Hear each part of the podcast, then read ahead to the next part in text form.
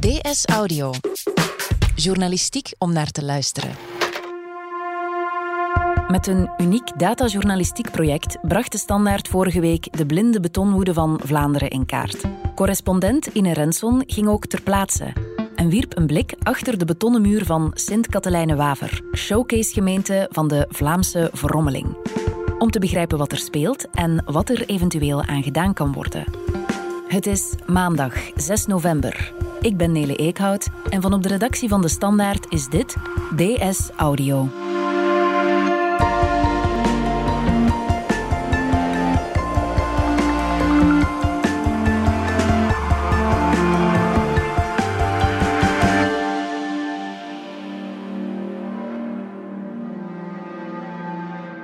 Renson, je bent correspondent betonwoede bij De Standaard. Um, en in onze podcast van vrijdag 25 oktober gaf je ons al een inkijkje in hoe je die Vlaamse bouwwoede letterlijk in kaart hebt gebracht. Dit weekend konden we in de krant lezen hoe je een van die gemeentes van dichterbij bent gaan bekijken. Sint-Katelijne-Waver is dat geworden. Kan je die plek eens omschrijven? Ja, Sint-Katelijne-Waver is een gemeente in de provincie Antwerpen, de Zuiderkempen eigenlijk nog. Het is uh, in de rand van Mechelen.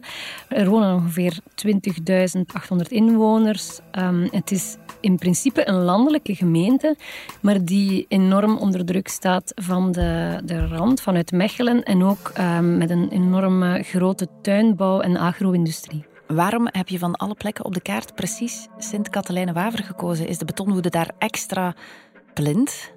Wel, Sint-Katelijne-Waver is eigenlijk een plek in Vlaanderen waar alle problemen samenkomen. Um, je zou kunnen zeggen, het is Vlaanderen in het klein.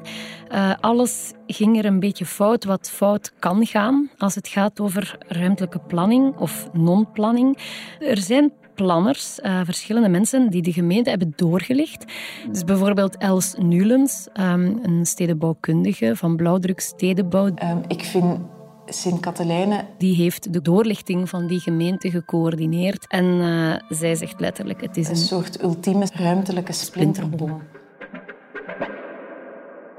Ja, Ine, je zegt het is er misgegaan in uh, Sint-Katelijne-Waver. Waar is dat precies begonnen?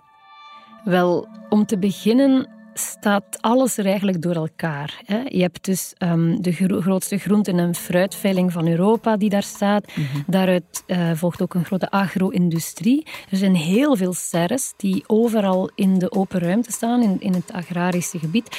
Die dingen die daar staan, staan daar volgens plan. Uh, dat zijn eigenlijk de bewuste gewestplannen van eind jaren 70, begin jaren 80, mm -hmm. waarin eigenlijk een poging gedaan is om wat orde in de chaos in Vlaanderen te scheppen. En dan heeft men um, zones toegekend, hè, waar je mag wonen, waar je industrie mag uh, uh, installeren, waar je aan landbouw kan doen. En in die gemeente zie je bijvoorbeeld dat die zones heel hard door elkaar lopen. Waarbij je bijvoorbeeld de situatie krijgt dat je een oud fort hebt, echt oud erfgoed. Daar rond zit een woonwijk gedrapeerd, daarachter ligt agro-industrie. Dat plan, dat gewestplan, is zeer gul geweest in het toekennen van um, bouwgrond. In die tijd dat was onder andere een bewuste politiek om de prijzen van bouw- en industriegrond in Vlaanderen laag te houden. Mm -hmm. Daardoor zijn eigenlijk bouwgronden vastgelegd op plekken waarvan je kan afvragen waarom in godsnaam hebben ze dat hier gedaan. Mm -hmm. um, plekken bijvoorbeeld midden in natuurgebied, ver van de dorpskern, waar, waar niks is, hè, waar geen winkels zijn, geen openbaar vervoer. Dat zie je daar. En dan, dus je hebt alles volgens plan een beetje fout vastgebetoneerd. Ja. Daarnaast heb je in Vlaanderen immens veel uitzonderingen ook nog eens op dat gewestplan. Um, in Sint-Katelijne-Waver is dat extreem. 10% van de woningen is daar zonevreemd. Dat wil zeggen um, dat die, dat zijn vooral eigenlijk oude boerderijen die omgevormd zijn tot villa's. Mm -hmm. Dat zie je daar heel veel. Um, er is ook heel veel lintbebouwing, extreem veel. Alles is daar toegebouwd. Er was een opvulregel in Vlaanderen die zei dat je tussen uh, woningen die er al stonden mocht opvullen. Ook al was dat niet in de gewestplannen voorzien. Dat gaat over gewestplannen die lang geleden zijn gemaakt. Dat is nog steeds de primaire motor, schrijf je in je artikel. En dan zijn er ook nog de wensen en de beslissingen van de bewoners en eigenaars vandaag. Ja, wat je dan ziet bijvoorbeeld is dat um, heel Vlaams ook, dat uh, mensen in zo'n verkaveling dan beslissen om hun voortuin te verharden, om daar kiezels te gooien of beton of tegels. En meer, uh, men heeft ook vanuit de gemeente dan de beken dichtgegooid, men heeft bermen verhard. Vlamingen hebben daar dan hun oprit nog eens overgelegd tot aan de straat, wat eigenlijk in principe niet mag, annexeren van openbaar domein, maar dat doen we dan toch. Als je dat wil aanpakken, ja, dat is heel moeilijk. Hè. Dus in, in die gemeente proberen ze nu overal terug beken weer open te leggen, omdat je anders in de problemen komt met water dat niet meer wegraakt. Mm. zeker in de toekomst, hè, met meer hevige neerslagpieken, moeten we aan waterhuishouding doen. Maar beken terug openmaken, vinden we dat tof? Nee, Vlamingen vinden dat duidelijk niet zo leuk. Um, daar, in die gemeente ook zijn ze daarmee uh, aan het experimenteren, maar dat gaat niet zo gemakkelijk, want mensen zeggen dan ja, um, we zijn allergisch aan gras hè, van de bermen, of mensen hebben schrik dat hun kinderen in de beken zullen verdrinken, of die, um, ja, ze vrezen dat ze dan met hun auto's niet meer op de oprit geraken. Dus dat soort argumenten. Okay. Dat zijn hoogst persoonlijke argumenten die niet echt stroken met het algemeen belang. Je noemt in je artikel ook een term die ik nog niet kende. En je noemt het zelfs een oprukkend Vlaams fenomeen, de verpaarding. Ja, verpaarding is een gedrocht van een woord. um, ja, dat is eigenlijk effectief de, de trend. Die is al een tijdje aan de gang om um, paarden te houden in Vlaanderen. Heel uh -huh. veel hobby, uh, maneges. En in, in Sint-Katelijnen heb je ongeveer 1800 geregistreerde paarden. Dat zijn er heel veel. Dat betekent verharde pistes, stallen, nog meer stallen, schrikdraad. Um, je zou dat anders kunnen aanpakken. En dat is ook wat stedenbouwkundigen, zoals Els Nules, voorstellen van leg voorwaarden op. Als wij genoeg randvoorwaarden kunnen stellen aan die paardenboer en aan die tuinbouwer en aan die verkaveling die daar nog zit dan denk ik dat we dan nog tot een interessant geheel kunnen verknopen. Als je die paarden per se wil, oké okay dan. Maar zeg dan dat ze moeten houtkanten aanleggen, heggen in plaats van schrikdraad. Verplicht paardenhouders om een ruiterpad te maken, zodat je toch een beetje um, dingen kan rechttrekken die zijn scheef gegroeid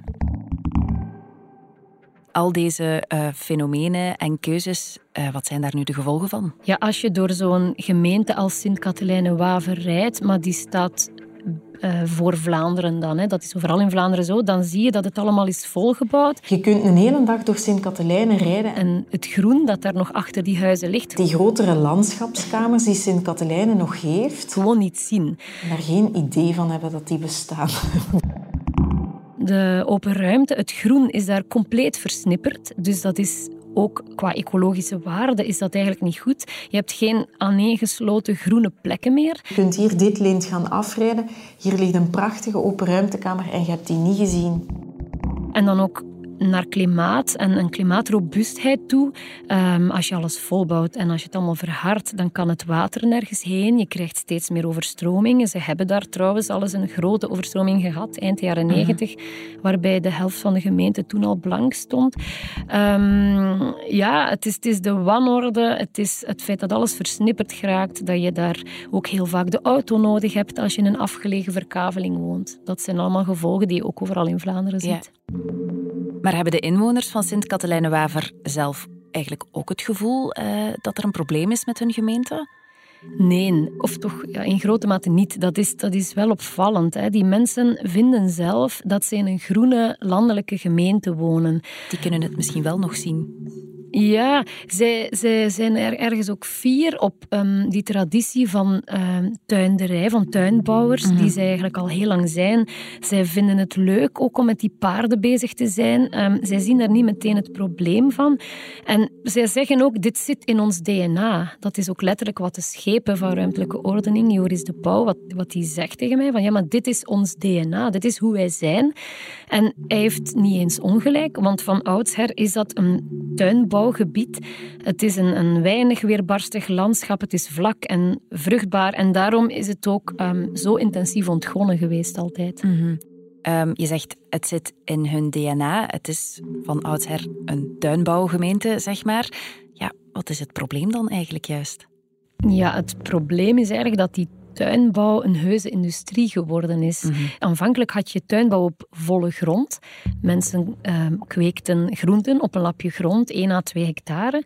Dat is vervangen door serres en op den duur nu door, door megaserres. Dat zijn gigantische serres die daar staan, die tot net achter de huizen komen, waar tot negen keer per jaar wordt geoogst, waar uh, grote vrachtwagens af en aan rijden. En die serres zijn helemaal vervlochten geraakt met de zonevreemde villa's, waar we het mhm. daar net over hadden, en met de verkavelingen en met de linten en komen zelfs bijna tot in de dorpskernen. En dat allemaal samen geeft uh, een enorm chaotisch gevoel. Mhm. Voor iemand die, die niet vandaar is, is het toch wel opmerkelijk als je daar rondrijdt om die gigantische serres te zien vlak achter de, de tuinen van mensen eigenlijk, vlak achter een woonwijk. Het is, um, ik vond het zelf ook best wel verwarrend om allemaal te zien op die manier. Mm Maar de mensen vinden het zelf oké. Ja, ze vinden het oké. Ze zijn er mee opgegroeid. Ik hoorde ook dat het een zeer honkvaste bevolking is. Ja. Mensen die in Sint-Katelijne geboren zijn, blijven daar vaak ook wonen, willen dat zelf ook een nieuw huis in een verkaveling. Dus die hebben er op zich um, niet zo'n groot probleem mee. Uh, ik hoorde ook van het hoofd van de dienstruimtelijke ordening van die gemeente dat hij zelf zegt, ja, wij voeren hier echt strijd tegen de verdere verrommeling, maar wij merken bij de bevolking een zeer grote berusting.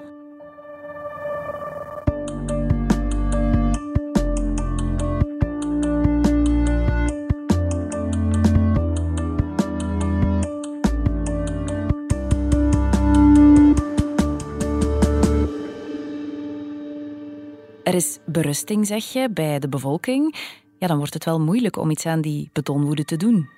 Ja, en nog meer omdat eigenlijk ook de gemeentebesturen er geen belang bij hebben om die molen te stoppen. Want um, in ons land is het zo dat de gemeentelijke overheid tot de helft van zijn inkomsten moet halen uit inwoners, uit bedrijven en belastingen op hun eigendommen en op hun inkomens. Dus hoe meer bewoners, hoe meer huizen, hoe meer villa-wijken je hebt, hoe meer bedrijven je hebt, hoe meer geld je verdient als gemeente. De meeste gemeenten in Vlaanderen uh, zijn min of meer armlastig, dus die kunnen dat geld goed gebruiken. Dus die trekken altijd maar nieuwe inwoners aan om de gemeentekast te spijzen. Maar eigenlijk is dat een nooit stoppende spiraal. Want als je nieuwe inwoners aantrekt, nieuwe wijken bouwt, moet je op termijn ook de wegen onderhouden, moet je de rioleringsstelsels uh, onderhouden. Je moet voor die kinderen die daar geboren worden scholen bouwen en crèches, er moeten sporthallen komen. Wat ook weer geld gaat kosten. Dat is een geldverslindend monster eigenlijk en dat blijft maar groeien. En je moet dus steeds nieuwe mensen aantrekken om die vooraf gegaan, aangegane kosten te dekken. Ja. En dat is eigenlijk een spiraal die, die niet stopt. En dat is een van de um, belangrijke redenen waarom we die bouwwoede in Vlaanderen zo moeilijk kunnen keren. Omdat ook de gemeentebesturen daar weinig belang bij hebben. Een andere ding is dat dan ook nog ontwikkelaars aan hun deur kloppen met blitse plannen. En dat het ook dan moeilijk is om nee te zeggen. Mhm. Enerzijds kunnen um, kleine gemeentebesturen, dus of besturen van kleine gemeenten, niet altijd goed inschatten of een bepaald plan dat op tafel ligt, of dat het nu echt kwalitatief is of niet. Is het nu een goed idee om dat stuk grond nog aan te snijden of net niet? Moeten we daar nu verdichten of juist niet? Zij zeggen vaak zelf, wij hebben eigenlijk van ruimtelijke ordening geen kaas gegeten. Uh, en planners of ontwikkelaars komen dan met, uh, met hele mooie voorstellen af. Die druk is ook immens. Je hoort van besturen van kleine gemeenten dat zij onder een enorme druk staan uh, van ontwikkelaars. Zeker nu, omdat die nog snel heel veel willen bouwen, omdat ze vrezen dat er op een dag een bouwstop wordt afgekondigd. Jij was aanwezig op de gemeenteraad van Sint-Katelijne-Waver, uh, waar de resultaten van een bouwmeesterscan uh, werden gepresenteerd. Eerst en vooral een bouwmeesterscan. Wat moeten we ons daarbij voorstellen? De bouwmeesterscan is eigenlijk een instrument van de Vlaamse overheid. Dat wordt aangereikt aan gemeenten om hun pijnpunten en kansen op het vlak van ruimtelijke ordening in kaart te brengen. Ze krijgen eigenlijk een soort analyse, een scan, en dan wordt naar remedies gezocht. En dus de, het team Vlaams Bouwmeester coördineert dat. En die scans worden uitgevoerd door uh, verschillende bureaus van stedenbouwkundigen. En wie zit daar op zo'n gemeenteraad uh, dan naar te luisteren, naar die resultaten? Daar zit sowieso het college van burgemeester en schepenen. Um, daar zitten gemeenteraadsleden. Er was ook nogal wat publiek. Hè. Er werden stoelen bijgezet voor mensen die komen luisteren. Dat zijn mensen van de commissie Ruimtelijke Ordening. Elke gemeente heeft zo'n adviescommissie. Dat zijn dus eigenlijk stedenbouwkundigen die meeluisteren. Daar zitten ook mensen um, van projectontwikkelaars, van, van grote bedrijven mee te luisteren. Die zijn ook geïnteresseerd natuurlijk. En een aantal burgers die uit interesse komen luisteren. Die resultaten worden daar gepresenteerd. Um, in de zaal zitten dan allemaal verschillende partijen met hun eigen belangen. Hoe is de sfeer daar uh, en wat zijn de reacties op die resultaten? Ja, daar specifiek in Sint-Katelijne-Waver was de sfeer eerder ijzig, vond ik. Um, het was een heel confronterende bouwmeesterscan voor hun gemeente. Ik hoorde ook bij de bouwmeester dat dit de meest um, confronterende scan is die ze hebben moeten maken tot nu toe. Mm -hmm. En dan heeft uh, iemand dat daar moeten presenteren, dat was dan Els Nulens, uh, die dat getrokken heeft. En je merkt als zij daar die avond uh, dat verhaal vertelt, dat zij haar woorden wikt en weegt. Um, zij zit daar in een omgeving die haar eerder vijandig onthaalt, die eigenlijk ook vaak het probleem niet ziet. Um, zij zegt dan, ja, dit is hier de ultieme ruimtelijke splinterbom. Ja, mensen horen dat natuurlijk niet graag, hè. zeker als ze zelf vinden dat er niet zoveel mm -hmm. aan de hand is. Dus ja, het is echt op eieren lopen. En wat zijn zoal de oplossingen die Els Nules voorstelt? Ja, zij, zij zegt om te beginnen um, dat het heel moeilijk is. Hè? Maar zij zelf zegt, je kunt er echt wel nog iets aan doen binnen het DNA, effectief, van deze gemeente. En dan zegt zij, wat je zou kunnen doen, is bijvoorbeeld die serres die her en der overal in dat landschap beginnen te domineren, cluster die.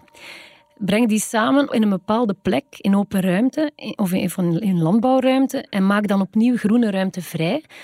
Maar ja, dat is moeilijk, want dan krijg je die zone vreemde villa-bewoners die bij elke plek die dan gesuggereerd wordt de zwarte vlag hijsen. Die zeggen, nee, niet in mijn achtertuin. Mm -hmm. Een ander voorstel is, nog beter eigenlijk, zet die serres op de daken van de fabrieken, die daar sowieso staan, dus de groenteverwerkende nijverheid en zo.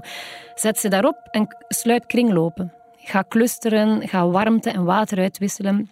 Dat doen ze bijvoorbeeld heel veel in Nederland al. En dat is iets waar ze daar dan van vinden, ja, dat gaat eigenlijk al veel te ver. Het is ook veel makkelijker natuurlijk om ze gewoon uh, op de grond overal neer te zetten. En ze stelt, en dat is eigenlijk het meest radicale, als ultieme breekijzer stelt zij voor om toch in te breken in die muur van beton die je daar hebt. En om dus oude panden, in linten bijvoorbeeld, op te kopen, af te breken, in ruil voor woonopties in een kern. Maar dat is ook niet zo evident. Hè. Dat wordt echt niet enthousiast onthaald. Ik hoorde na de gemeenteraad heel veel gemor. Um, mensen die ja, nogal honend zeiden van dit is veel te radicaal. Mm. Ze hebben ons niet begrepen. Dit willen wij helemaal niet. Dit krijg je er nooit door. De schepen in kwestie zegt ja, dat is eigenlijk een utopie. Het is onwenselijk, onhaalbaar en onbetaalbaar om te slopen. Uh, maar hij zegt er ook wel bij: ik wil dingen doen, maar zonder te drastisch te werk te gaan. -hmm.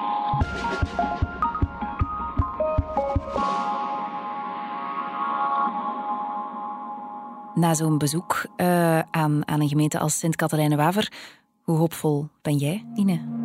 Ja, je merkt dat als de onderliggende drivers verkeerd zitten, dat je de situatie heel moeilijk gekeerd krijgt. De grote klacht van heel veel uh, burgemeesters en schepenen is ook, ja, wij moeten hier maar voortploeteren. Wij moeten onze kiezers ontzeggen om te bouwen. Wij moeten tegen ons eigen financieel belang ingaan om niet meer verder te verkavelen. Maar de Vlaamse overheid laat ons hierbij in de steek. Wij krijgen zoveel telefoon van bestuur. We zitten in een identiteitscrisis. En wat moeten we doen? De Vlaamse overheid zet nu volop in op een bouwshift. Dus dat is vanuit die gemeentebesturen ook een, een roep naar hogerhand van help ons, schrap vanuit de hogere overheid woonuitbreidingsgebieden bijvoorbeeld, dat wij het al niet meer moeten doen. Mhm. Schrap die gewoon bij decreet en zorg dat dat dan niet meer op onze schouders rust. Anderzijds, um, ja, het begint te dagen. Hè. Dus de prikkels zitten fout, zeker ook financieel. Maar het begint bij heel veel uh, besturen te dagen dat, het, dat er iets moet gebeuren. Mm. Je hebt verschillende gemeenten die zeggen, ook tegen planners, zoals Els Nulens, help ons. Help ons om goede keuzes te maken. Help ons om de druk ook van ontwikkelaars af te weren.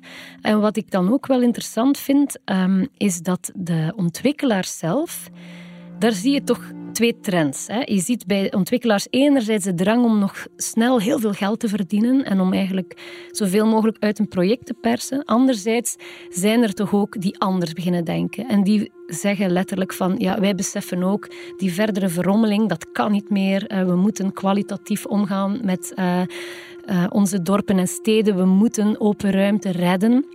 Dus dat besef dringt door de um, woordvoerder van de bouwondernemingen in Vlaanderen, die zegt zelf: um, ja, het is een heel recente shift in ons hoofd, maar het moet echt anders. En wij gaan daarop toekijken. Dus als dat zo is, dan is dat misschien wel hoopvol. Ene Renson, dankjewel. Graag gedaan. Dit was DS Audio. Wil je reageren? Dat kan via dsaudio.standaard.be. In deze aflevering hoorde je Ine Renson, Els Nules en mezelf, Nele Eekhout. Ik deed ook de redactie en Anna Korterink deed de eindredactie. Pieter Schrevens deed de audioproductie en Brecht Plasgaard schreef de muziek die je hoorde in deze podcast. Chef audio is Wouter van Driessen. Vond je deze podcast interessant? Weet dan dat je er elke werkdag één kunt beluisteren. Dat kan via de DS Nieuws app of via standaard.be-audio. Je kunt je ook abonneren via iTunes, Spotify of de podcast-app van je keuze. En als je daar dan toch bent, schrijf gerust een review. Zo toon je ook anderen de weg. Morgen zijn we er opnieuw.